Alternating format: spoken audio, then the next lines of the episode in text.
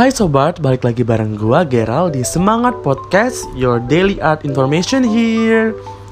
Jadi sobat, pada episode kedua ini gue bakalan ngobrol-ngobrol seru seputar seni dengan dua teman gue yang bakal gue undang pada episode kali ini. Jadi kita bakalan bahas tentang kompetisi lomba seni yang bergengsi yang ada di Indonesia yaitu FLS 2N. Kalian tahu nggak sih apa itu FLS 2N? Jadi FLS 2N itu adalah festival lomba seni siswa nasional yang diselenggarakan langsung oleh Kementerian Pendidikan dan Budaya Republik Indonesia. Jadi kegiatan itu merupakan kegiatan untuk menggali bakat siswa-siswa yang ada di Indonesia mulai dari jenjang SD, SMP, SMA agar bakatnya bisa dikembangkan melalui lomba ini. Nah, lomba ini tuh diselenggarakan tiap tahun dan ada tingkatannya loh. Jadi puncaknya itu ada di FLS 2N atau nasional. Tapi untuk melaju ke nasional ini ada beberapa tahapan seperti harus melalui tahap sekolah mungkin, tahap kabupaten, tahap provinsi, baru nanti yang menang di provinsi dia lah mewakili ke nasional. Nah kali ini gue udah terhubung sama teman gue yang kebetulan merupakan alumni dari FLS 2N tahun 2017 dan kebetulan juga nih sobat gue Geral itu juga merupakan salah satu alumni dari FLS 2N 2017 cabang lomba vokal sen vokal solo. Kalau dua teman aku itu satunya ada yang cabang lomba seni teater atau monolog satunya lagi ada yang kriya. Oke okay, without any further ado mari kita ngobrol-ngobrol sama mereka berdua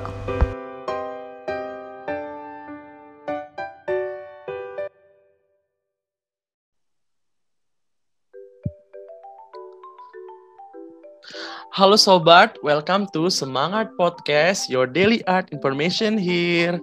Balik lagi bareng aku Geral, seperti yang udah aku jelasin tadi, kita bakalan uh, bahas-bahas dan ngobrol-ngobrol seputar FLS 2N atau Festival Lomba Seni Siswa Nasional. Dan sekarang, seperti yang udah aku bilang tadi, aku bakalan ngobrol-ngobrol bareng dua teman aku yang merupakan alumni dari FLS 2N 2017 juga nih sobat. Oke, sebelum kita memulai obrolan kita pada hari ini, lebih baiknya kita perkenalan dulu. Jadi aku dulu ya guys, uh, aku Geral seperti yang sobat-sobat udah ketahui dan dua teman aku di sini ada Amil dan Ares. Oke, boleh kenalin dulu mungkin dari dari Amil dulu. Halo teman-teman, nama aku Amelia Putri asal Provinsi Riau. Jadi kemarin aku cabang lomba teater monolog dan sekarang aku kuliah di Universitas Abdurrahman. Salam kenal. Hmm, Oke, okay, yang kedua Ares. Halo, nama aku Aulia Reski Wisla atau akrabnya dipanggil Ares lah ya. Aku berasal dari Sumatera Barat dan aku ikut FLS 2N alhamdulillah dapat rezeki dua kali cabang lomba uh, Kriya Putri tahun 2017 dan monolog tahun 2018 dan sekarang aku kuliah di Universitas Negeri Padang. Thank you. Aduh, sobat udah denger kan tadi dua dua teman-teman aku yang yang udah kenal diri mereka keren-keren banget kan. Dan btw kita tuh dari tiga cabang lomba yang berbeda. Oh ya aku belum. Kalau aku kemarin sobat aku tuh lomba mewakili Sumatera Selatan di cabang vokal solo. Oke, jadi nah jadi kita sekarang bakalan ngobrol-ngobrol tentang uh, mulai dari preparation kita sebelum berangkat FLS 2N kemarin sampai ke uh, hari H lomba kita pas FLS 2N nanti. Oke, mungkin langsung aja kita yang masuk ke pertanyaan pertama. Jadi pertama jadi pertanyaan pertama itu kita bakal bahas tentang apa sih perasaan pertama kali waktu menangin kompetisi provinsi kompetisi di provinsi dan bakalan wakilin provinsi kalian di tingkat nasional. Oke, okay, Oke, okay, mulai coba Ares gimana perasaannya? Seneng lah, nangis, pastinya nangis. Dapat duit, dapat piala, langsung ke nasional, mantap ya mantap banget parah. Terus udah dua dua kali juga nggak sih Ares waktu itu? Kayak apa sih pas perasaan yang kedua kalinya kayak itu kayak udah biasa aja apa yang apa yang gimana ya? Pokoknya yang pertama itu lebih surprise gitu daripada yang kedua. Yang kedua itu rada bersyukur aja gitu udah dapet. Terus yang orang, pertama itu yang lebih lebih lebih kerasa banget itu ya? Iya. Terus reaksi keluarganya gimana?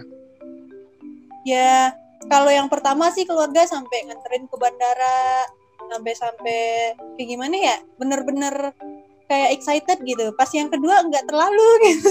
Dilepasin Hmm. aja gitu kalau Karena udah kayak ya udah udah dua Nah. kali juga kali gitu ya. Heeh. Oke, berikutnya Amel gimana perasaannya pas waktu itu dipanggil Amelia Putri sebagai juara satu monolog setingkat provinsi Riau. Keren banget. Kalau aku jujur ya, karena kan kalau di Riau itu audisinya kayak nggak tatap muka langsung, kita ngirimin video gitu ya. Karena baru Hmm. pertama kali cabang monolog itu diikut sertakan di tahun 2017, karena tahun-tahun sebelumnya itu nggak pernah.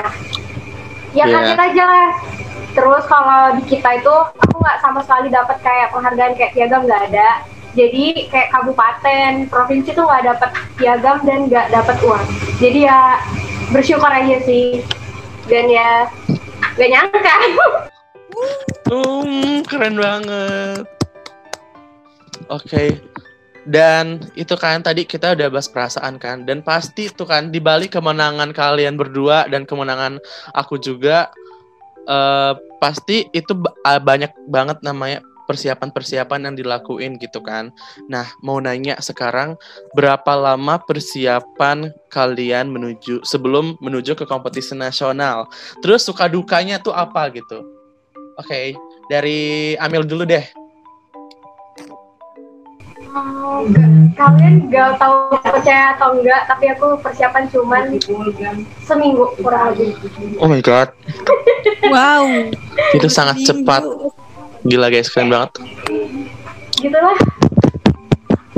Terus ya suka dukanya pastinya aduh kebanyakan dukanya sih tapi setelah ke nasional kayaknya terbayar deh kedukaan itu kayak ah udahlah biarin aja berlalu gitu Hmm, berarti seminggu itu bener-bener seminggu ngapalin naskah, seminggu juga nyiapin semua-semuanya gitu, administrasi dari sekolah. Izin-izin gitu. Ya termasuk kayak gitu ya karena aku pernah di PHP-in sama sekolahku katanya nggak bakalan ada cabang monolog jadi Oh. sempat nggak latihan gitu tapi sempat baca-baca juga karena aku kayak emang bener-bener excited sama Oh. FLS 2N dan pengen ikutan ya nggak ngapalin juga sih kalau aku kayak dipahamin aja naskah Iya, gitu. iya. Gitu. Bener keren banget nggak sih sobat? Ini si Amel dia persiapannya tujuh hari dan di sana juga udah nampilin yang terbaik kan berarti.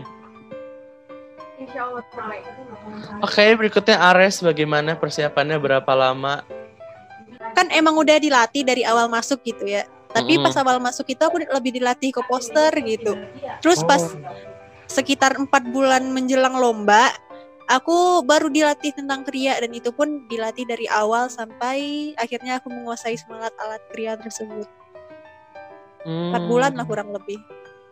Terus suka dukanya apa gitu? Apa kan itu kan ada kriya kan kalau setahu aku ya kayak banyak banget perkutik sama alat-alat, alat tajam, alat ngebor itu itu kan dan apa ada luka gitu apa banyak gimana? banget.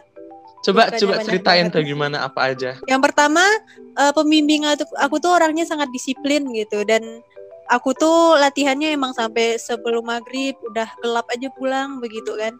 Terus karena aku juga pakai alat-alat yang berat, gede-gede gitu, gerinda, bor, dan gerinda pun itu matanya, mata gerindanya itu bukan mata gerinda yang biasa, tapi yang kayak gergaji gitu, bulat gede. Wow. dan juga pernah tangan itu sekarang masih ada bekasnya tangan kayak hampir robek gitu kaki juga pernah.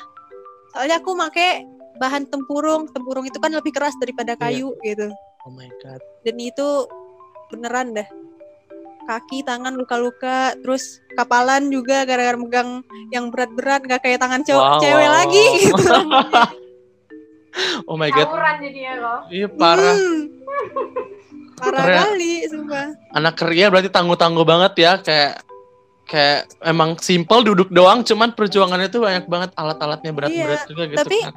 Kita tuh bisa milih juga nggak harus bahan itu bisa plastik yang bisa cuma digunting-gunting tapi entah kenapa aku pengennya waktu itu tempurung gitu loh Iya udah. sih. begitulah perjuangannya Keren sekali teman-teman perjuangan dari dua teman aku ini. Kalau aku sendiri, oke sekarang aku ya kalau aku sendiri itu persiapannya uh, lumayan lama sih sekitar satu bulan. Aku kan cuma nyanyi jadi ya bisa di mana aja gitu kan kalau nyanyi. Tapi aku waktu jujur hampir sama-sama ke kayak Amel aku juga nggak di nggak dikasih penghargaan apa pun dari sama kabupaten aku. Bener-bener itu aku nggak dikasih misalnya latihan aku dengar teman-teman aku tuh yang dari vokal solo lain tuh mereka dikasih latihan latihan vokal gitu. Kalau aku nggak gitu. Dan kalau aku tuh itu sih jujur kemarin pas kalian waktu berangkat ke ke provinsinya itu ada kontingen gak sih dari kabupaten kalian? Maksudnya pas di provinsi? Ada aku ada. Ada ada kan? Soalnya aku tuh kan dari kota Payakumbuh terus mm -hmm. ke Padang gitu kan buat provinsi. Jadi kontingen dari kota aku itu ada gitu dari SMA ini SMA oh. itu.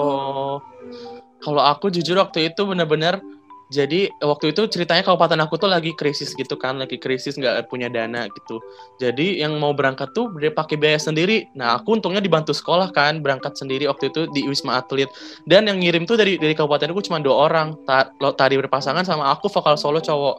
Jadi orang tuh ramean gitu kan sekontingen gitu. Aku satu kamar dapat dan itu kamarnya gede banget tapi aku sendiri cuman kayak oh my god itu benar-benar kayak merasa kesepian banget gitu dan alhamdulillah walaupun emang cuma beberapa orang yang ngirim dan alhamdulillah aku bisa banggain kabupaten aku gitu aku kayak gitu iya. sih walaupun cuma sedikit tapi tetap bisa gitu ya mm-hmm. alhamdulillahnya oke okay, oke okay.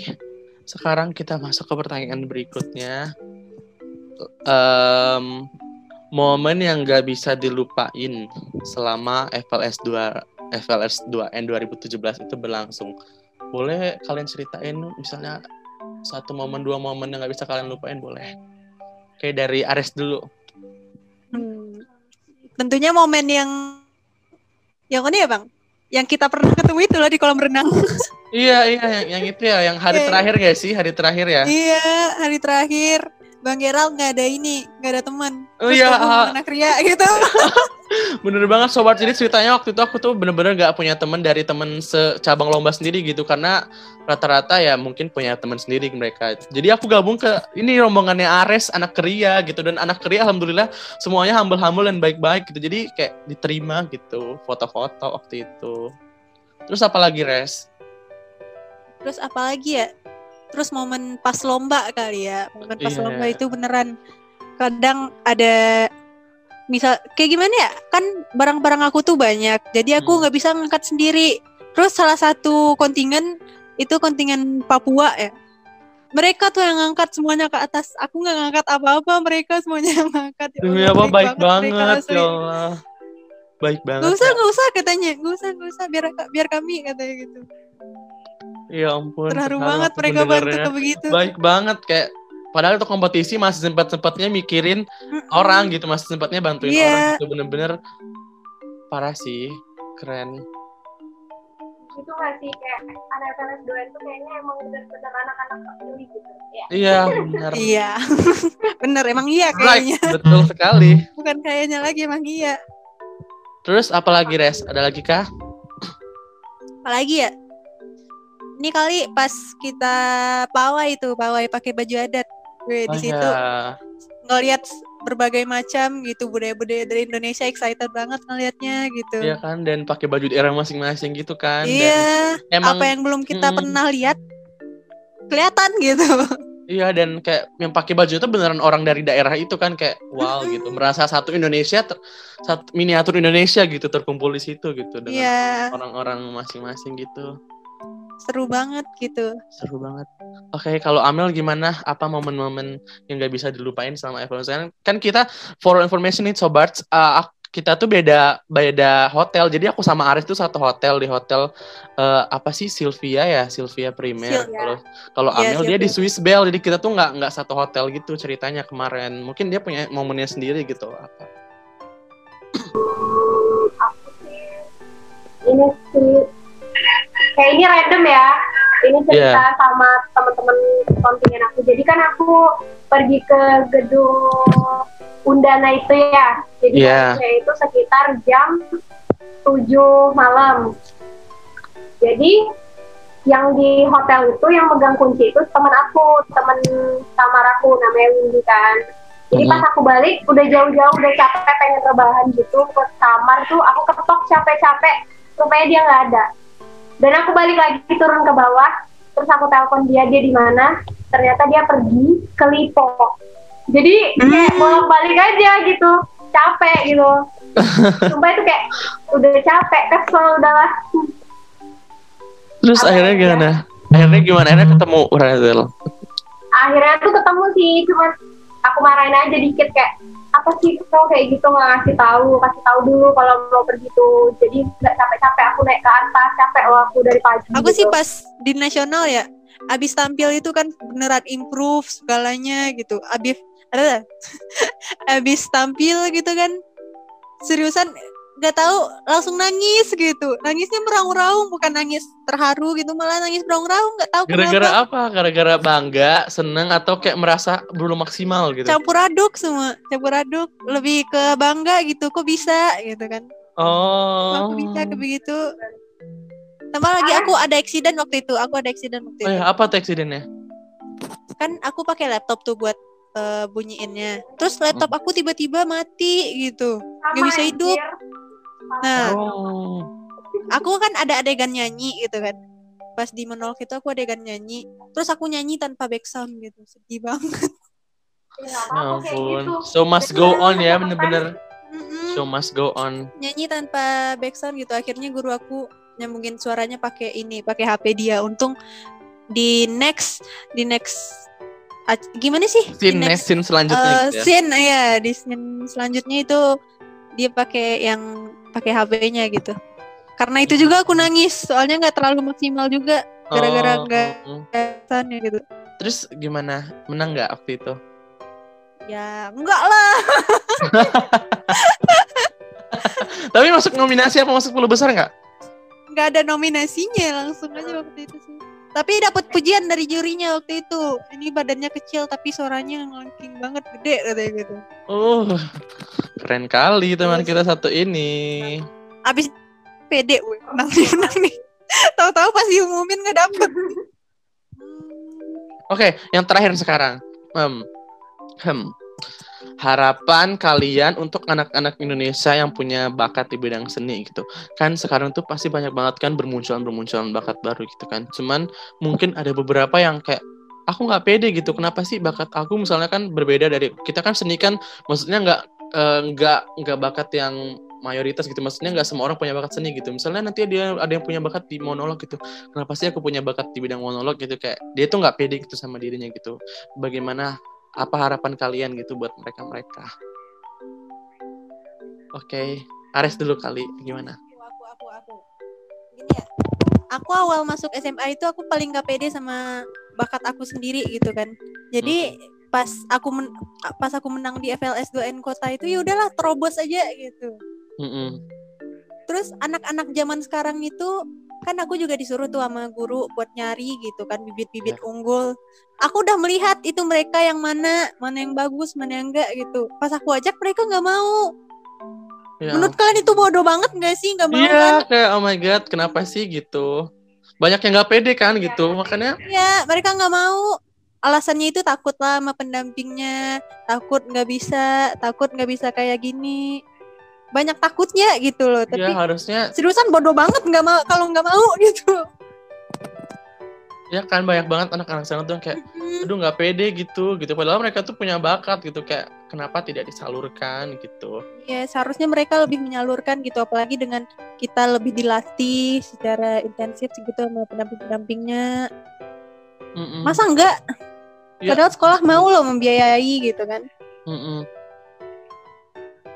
Aku harapannya sih mereka lebih percaya diri gitu sama bakat-bakatnya masing-masing itu udah dikasih gitu Iya. bakat sama kerja keras didampingin dengan kerja keras itu hasilnya bakalan wow pastinya Hmm, betul sekali. Tuh dengerin sobat yang mungkin sekarang dengerin dan pada nggak pede sama bakat seni yang dimiliki gitu. Kalau Amel gimana? Apa harapannya atau punya quotes quotes dan moto untuk anak-anak pencinta seni? kebetulan waktu aku SMA nih gimana ya sering tampil di sekolah gitu nih isi isi acara teater Jadi kan aku di kelas, cuman aku doang yang anak teater. Jadi kayak teman kelasku tuh bilang, eh, dasar anak teater gitu-gitu kayak oh puitis sekali gitu. Oh, julid-julid gimana gitu ya? Uh, julid-julid gimana gitu. Dijulitin dong. Netizen ya. Karena, karena dijulitin itu kayak aku bener-bener ih, tengok aja lah kalau nanti ya gitu. Aku kayak gitu. Ya buat pesannya buat kalian ya yang belum nemu atau ingin menemukan jangan takut untuk menggali bakat dan jangan malu untuk tampil beda. Dan kalau ada orang punya bakat kayak begitu tuh jangan dijulitin kayak begitu lah. Kalau bisa didukung gitu kan biar mereka makin gitu pede. kan, gitu. Heeh. Iya, seni nggak buruk kok. Seni tuh keren gitu. Kita bisa nampilin Iya. bakat yang menghibur orang gitu daripada kalian semuanya cuma bisa julid gitu. Kita lebih baik daripada kalian. Ngomong gitu kan. Tapi Iya. sebenarnya mereka julid itu karena mereka tuh pengen juga kayak gitu, cuman mereka nih nggak tahu Iya, apa. betul. Nggak tahu gimana mau ngomongnya juga nggak tahu gitu. Mereka omongin kita dari belakang, mereka julitin kita karena kita jauh di depan mereka gitu. Nah. Jadi jangan dengerin mereka. bunuh mereka, bunuh mereka yang pernah mereka. Iya, betul sekali. Berikan mereka semua prestasi-prestasi yang biar mereka terbungkam mulutnya. Mm-mm, bener banget. Cacan lo gue cuci dengan senyum Iya. dan prestasi. Terus mungkin juga ada yang itu kan ada yang misalnya nih ikut lomba terus eh, merasa kayak kalah gitu kan terus merasa aduh kayaknya gue nggak berbakat deh. Jangan putus asa kalian. Jangan, nggak boleh begitu, Iya nggak boleh. nggak boleh karena yang namanya Kalau dia bisa, Hmm, lu juga bisa gitu. ya betul. Astagfirullah, ngepris.